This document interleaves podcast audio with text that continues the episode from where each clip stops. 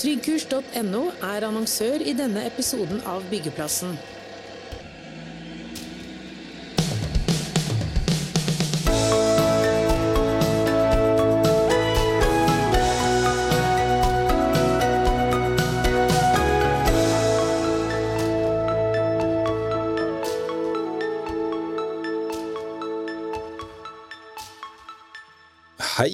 Velkommen til en ny episode av Byggeplassen. Jeg heter Frode Aga, og med meg som programleder her i dag har jeg som vanlig Kristian Aarhus. I dag så skal vi snakke om eh, noe som opptar de aller fleste om dagen, enten du er privatperson eller bedriftseier eller ja, hva det måtte være. Det handler om strøm. Om du tror eh, strømregningen din er stor på hjemmebane, så kan du tenke deg hvor mye en strømregning ender på i en stor industribedrift eh, når strømprisene galopperer, sånn som de gjør i dag. Først så skal vi snakke med kraftanalytiker Lene Hagen fra Volue Insight. Hun er med oss på Teams fra Lillehammer. Og så setter vi kursen til Larvik, der administrerende direktør i Bergenholm Erland Løkken sitter klar for å fortelle oss hvordan det er å være bedriftseier når strømregninga varierer med ja, opp mot 100 millioner kroner i løpet av et år. I hvert fall bedriftsleder. Ja, bedriftsleder til og med. Men Lene, fortell oss litt om bakgrunnen for det som skjer nå, og åssen vi har havna der. Ja, eh, da spørs det hvor vi skal begynne. Men jeg tenker vi kan jo gå ett år tilbake igjen og, og, se hva slags utgangspunkt vi først og fremst hadde i forhold til uh, det som er hovedfokuset da på det nordiske markedet. Det er jo hydrologisk balanse, og vi har da fokus på det med nedbør, vær og vind gjennom året, som vil da påvirke strømprisen. Eh, og gi oss da sluttkonsekvensen da i eh, sånn beholdningen på, på, vannreservene. Og da i forhold til produksjonsnivå og, og forbruksnivå gjennom året. Og det vi har eh, nå erfart, er jo selvfølgelig at vi har hatt et år, et tørrår, med lite nedbør. Vi hadde i utgangspunktet og da spesielt i, i sør en situasjon med veldig lave eh, vannreserver i utgangspunktet. Eh, og gikk inn i da en, en vintersesong med relativt lite nedbør. Og det kom da lite snø i magasinbeholdningen, slik at tilsiget av vann og, mot vårperioden Eh, var ganske lite, med en tørr eh, periode. Slik at magasinnivåene dermed ikke økte ganske mye gjennom en periode som vi hadde egentlig forventa at det ville øke.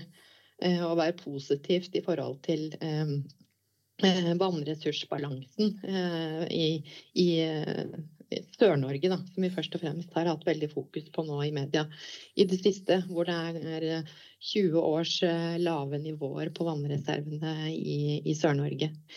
Men eh, alt i alt så har det jo vært en, en, et, et, år med lite nedbør. Og tørt, rett og slett. I tillegg til det så har vi hatt en situasjon med nå spesielt da, siste tida med lite vindkraftproduksjon. Eh, vi har mye vindkraftproduksjon i Sverige, og den er ganske variabel. Og det får en totalt sett innvirkning på, på prisbildet og prisutviklingen. Eh, og vi påvirkes jo òg sterkt av vindkraftproduksjonen da i, i Danmark, og da spesielt òg i Tyskland har ganske stor innvirkning på den nordiske prisen. Eh, bildet er sammensatt i forhold til til det, men det utgangspunktet er jo eh, værbildet da i, i, Norden, og hvordan det har utvikla seg totalt sett gjennom eh, siste året. At vi har en, i utgangspunktet veldig lave vannreserver i Sør-Norge. Mens i nord så er situasjonen helt annerledes, hvor vi har vannreserver som ligger godt over normalnivå. Eh, og dermed eh, så er det et eh, utgangspunkt eh, hvor vi òg da får skapt eh, mye større områdeprisforskjeller internt i, i, Norge, ved at du ikke har den muligheten for å overføre eh, produksjonskapasitet fra nord til sør eh, internt i, i, Norge. I Sverige f.eks. så er den kapasiteten tigangeren i forhold til Norge per i dag.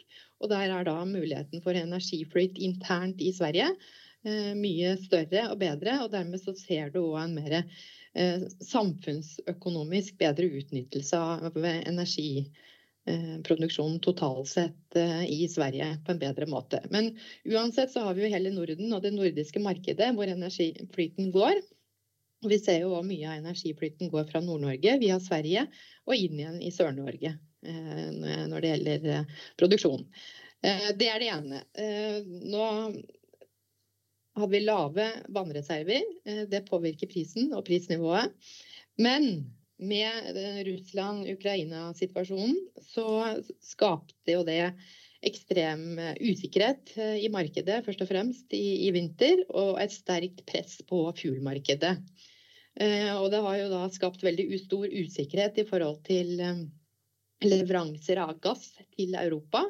Hvor de er veldig avhengig av gass som en energikilde for produksjon av energi. Og da er det jo flere av de kablene av energi inn til Europa som har blitt stengt i løpet av siste halvåret.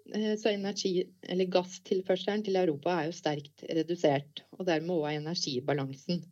Så er det jo den Nordstrøm 1 kabelen til Tyskland. Der har jo aktiviteten og tilførselen blitt redusert kraftig gjennom sommeren, og vi har vært nede på 20%. Den har vært stengt i ti dager for vedlikehold, og nå er den jo da òg ute i tre dager. Så totalt sett så er energibalansen svekket på det europeiske markedet. Og gjennom da de utvekslingskablene vi har fra Norden i sin helhet, gjennom Norge, Sverige og Danmark ned mot Europa og Tyskland, så påvirkes vi av det som skjer på det europeiske markedet.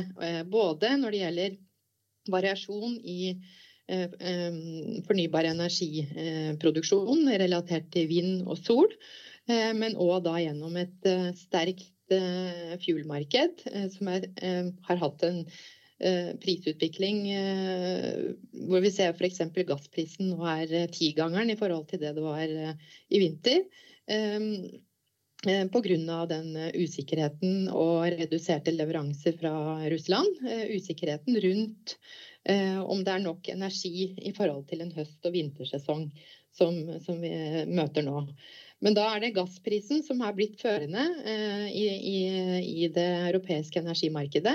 Totalt sett så er jo det energibalansen der påvirket også av kullpris. Og så har du kjernekraftproduksjonen er også en viktig brikke i det bildet. Men hvordan ville prisbildet vært hvis flyten av gass fra Russland til Europa hadde vært som før krigen? Nei, altså vi har jo da sagt at prisen for så vidt i Norden ville jo vært definitivt mye lavere. Du kan si at den gassprisen påvirker da kraftprisen i Tyskland kraftig. Og ved svingninger i leveransen, men også usikkerhet rundt leveransen av gass til det europeiske markedet, eller da Tyskland, gjør at vi får prishopp og sterke prissvingninger i gassprisen. Du kan si at Én ting er at det er relatert til det fysiske leveransen, men du har også et ganske høyt risikoelement i prisen i forhold til usikkerheten om det er nok gass fremover i månedene som vi kommer frem til. Men en ting er nå gassen og gassprisen som vil være førende og påvirke sterkt den tyske kraftprisen, som igjen da får påvirkning for Sør-Norge og norske og nordiske kraftpriser. Det er jo også den helhetlige energibalansen på det europeiske markedet, og da er også kjernekraft i Frankrike et veldig viktig element. Kjernekraft i Frankrike er en stor produksjonsandel av den helhetlige produksjonen i Frankrike. Og den er jo nede nå på 40%, litt i overkant av 40% av aktiv installert kapasitet. Og det er grunnet vedlikehold som er mangelfull i Frankrike. Så produksjonen må tas ut. Men i tillegg så har vi jo da gjennom sommeren nå hatt en varmebølge i Europa som har påvirket sterkt behovet for energiforbruk både til nedkjøling Og, og, da har det fått konsekvenser også for produksjonsnivået av kjernekraft i, i Frankrike, hvor de da måtte stenge ned produksjonen der også pga. det. Vi tar en kort pause fra byggeplassen for å høre fra våre annonsører. Tryggkurs tilbyr kurs og opplæring til byggeindustrien innen sertifisert og dokumentert sikkerhetsopplæring, HMS, brannvern, industrivern, førstehjelp, HR og GDPR. I tillegg til åpen kurskalender med fysiske og digitale klasseromskurs, kan vi tilby skreddersydde løsninger til din bedrift. For deg som ønsker å ta kurs på nett, har vi et stort utvalg av nettkurs på Tryggportalen. Besøk tryggkurs.no for mer informasjon. Og da er vi tilbake på byggeplassen. Det skjer ekstremt mye skjønner vi, på, på, mange fronter som påvirker bildet her. Og Hvis vi da skulle mm, ta på Hvis jeg hadde da vært en bedriftseier og er bekymra for uh, min uh, strømregning framover, hva kan jeg forvente meg nå uh, i tiden som kommer? Det går inn en vinter her.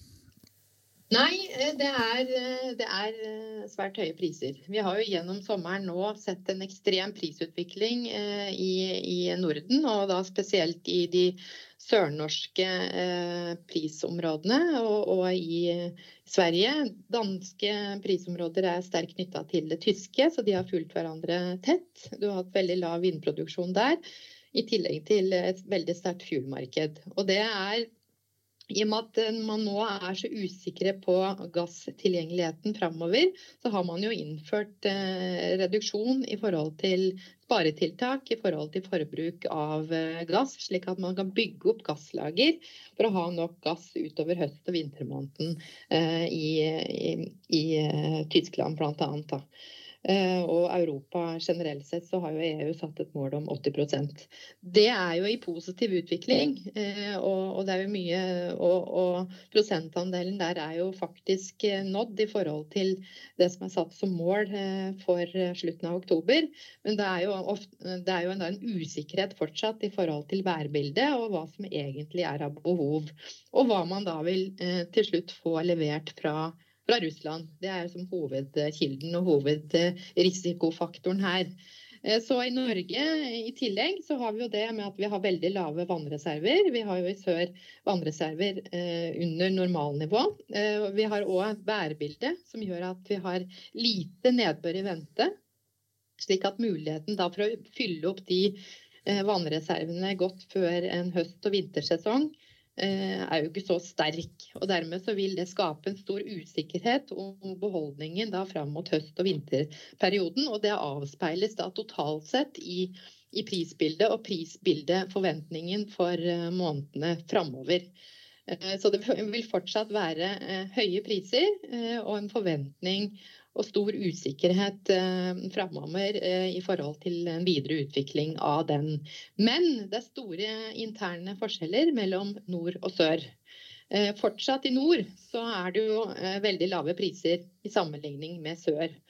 Eh, og, og hvis man tenker da på mulighetene for å inngå avtaler, så vil jo det være interessant å se på prisbildet og prisforventningen da framover i Nord-Norge for de som er eh, plassert i den delen av landet. Selvfølgelig. Men, men, det store 10 000 kroners spørsmålet her, eller 100 millioners kroner-spørsmålet, er er jo hvor prisen vil ende. Og en kollega av deg, eh, Tor mm. Reier Lilleholt, han anslo for NRK tidligere denne uka her at i et ekstremt scenario så kan vi komme opp i 20 kroner kilowatten. Hvor reelt er det, og, og, er det sånn at vi er nå kommet til et område hvor man, det er nesten tenk på tall, når vi ser hvor store prisene kan bli? Ja, nei, altså Den prisutviklingen jeg har erfart og sett eh, gjennom sommeren i forhold til eh, eh de prisområdene vi har i Sør-Norge, eh, som da knyttes tett mot Europa, eh, har jo vært ekstremt sterk. Og vi har jo sett nivåer vi aldri har sett tidligere Eh, vært handla i markedet. Så, så det, det, er dessverre sånn at det er veldig stor usikkerhet og potensialet for veldig sterkt stigende priser. Eh, hvis vi da får en, en, høst med at det blir stramt energimarked eh, fortsatt, veldig stor usikkerhet i forhold til en værsituasjon hvor du får økt behov for energiforbruk, sammen med mm, en høyere aktivitet i industrien og produksjon, så, så vil jo det ha en, ha en, sterk effekt på prisutviklingen og, og støtte oppunder en videre oppgang gjennom eh, eh høsten og vinterperioden. Yes, da uh, har vi blitt litt klokere, eller er vi blitt det, Erland Løkken? Det er du som skal betale strømregningen uh, til Bergen og Holm etter hvert, og, den har bekymra deg litt. Kan, ikke du fortelle, deg, fortelle oss litt hvordan det jobber med strøm om dagen? Um, jeg ble vel ikke så veldig mye klokere, for det er veldig usikkert hva vi kan forvente oss fremover, unntatt at det blir dyrt det neste året. Men Bergenholm, som veldig mange andre i vår bransje, vi inngår jo fastprisavtale som gjelder flere år fram i tid. Og når vi går tilbake og ser de siste ti årene, så har vi hatt fastprisavtale på under 30 øre i kilowatten som gjennomgående. Og jeg ser også at alle våre fastprisavtaler har, eh, har erfart, de ligger litt høyere enn det som blir reell spotpris i, i, markedet for de årene vi har inngått avtaler. Så det med fastpris er en sikring på en, eh, et øvre tak, men vi får ikke med oss hvis prisen er lavere. Uh, av den grunn så sikrer vi altså flere år fram i tid en 90% av forventa strømforbruk av det vi normalt har gjort. da.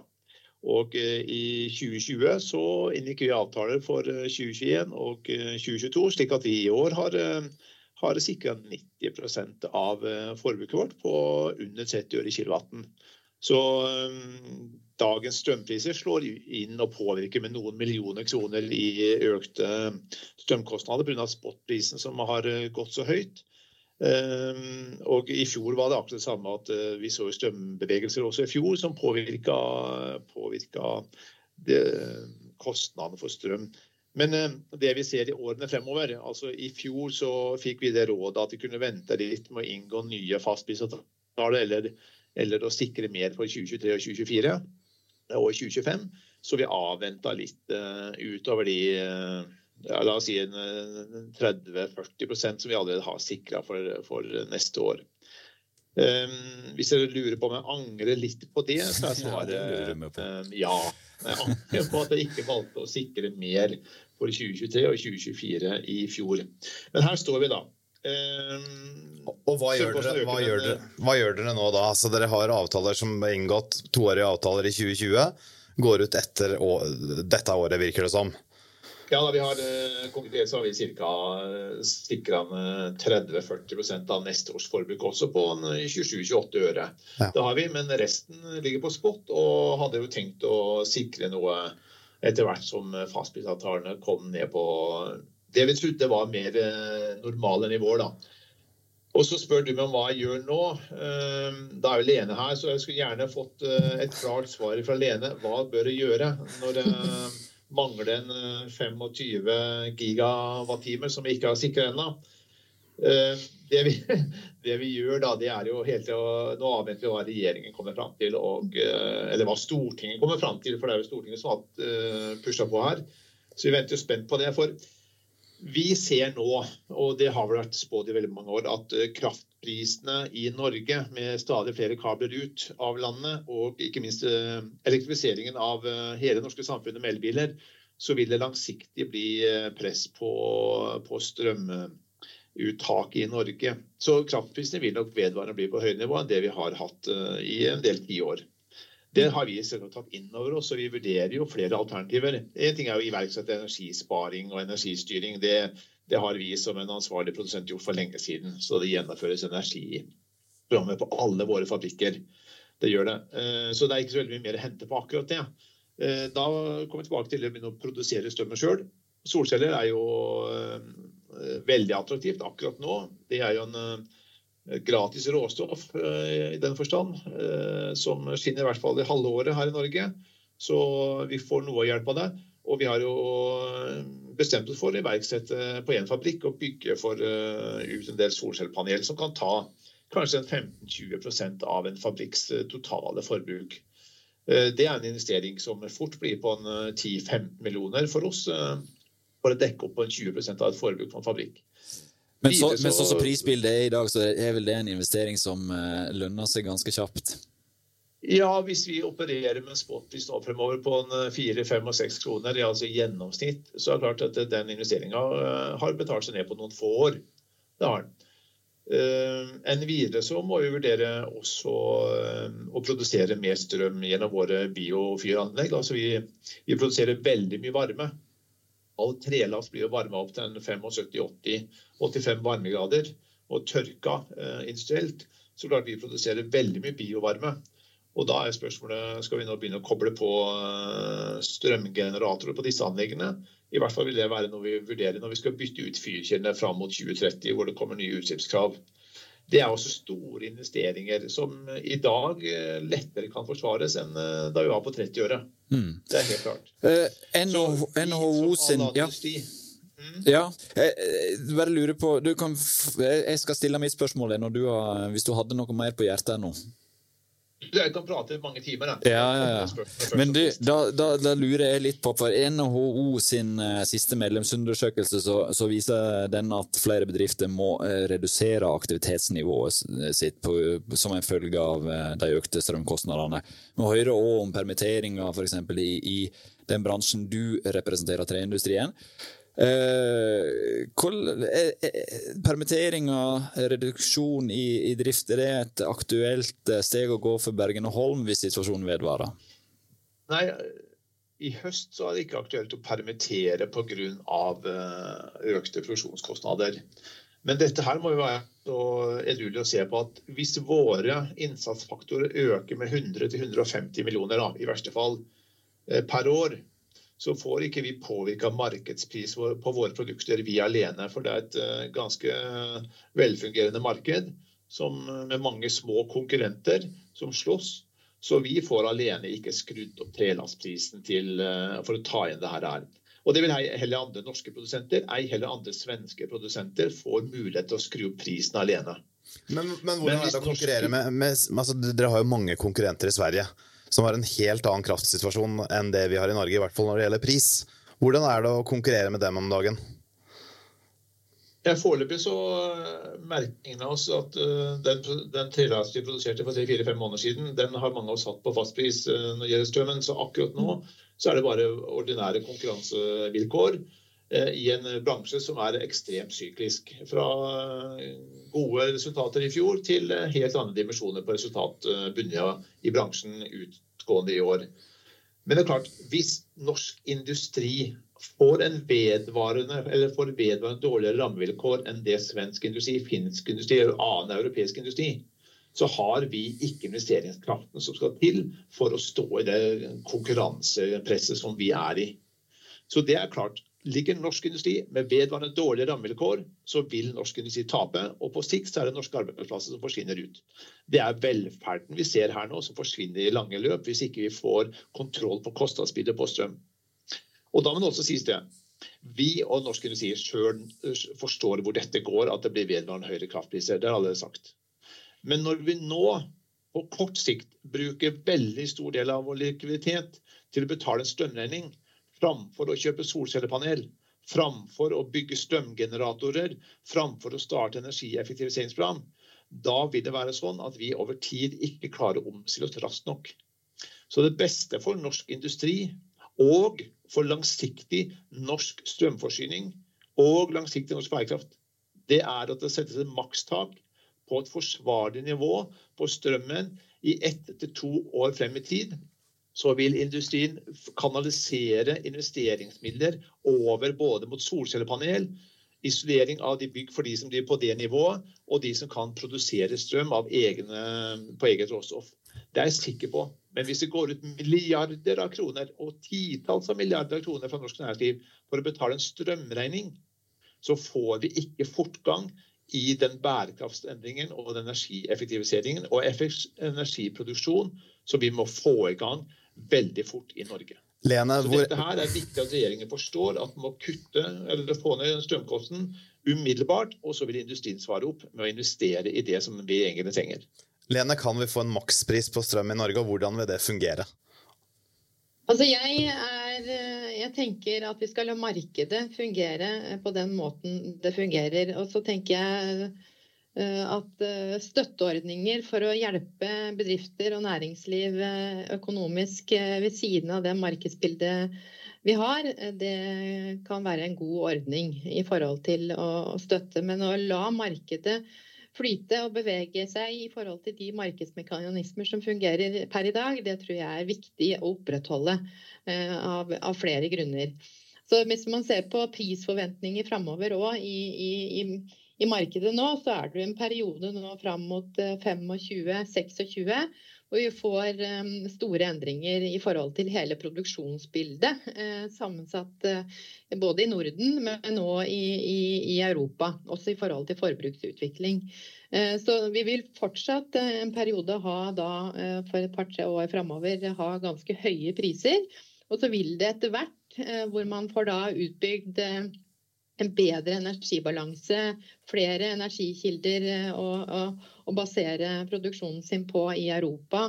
Eh, bedre totalt sett eh, energiflyten på kontinentet med bedre infrastruktur og bedre produksjonskapasitet totalt ved at man får inn nye energikilder. og mye, Eller en sterk økning av fornybare energikilder også.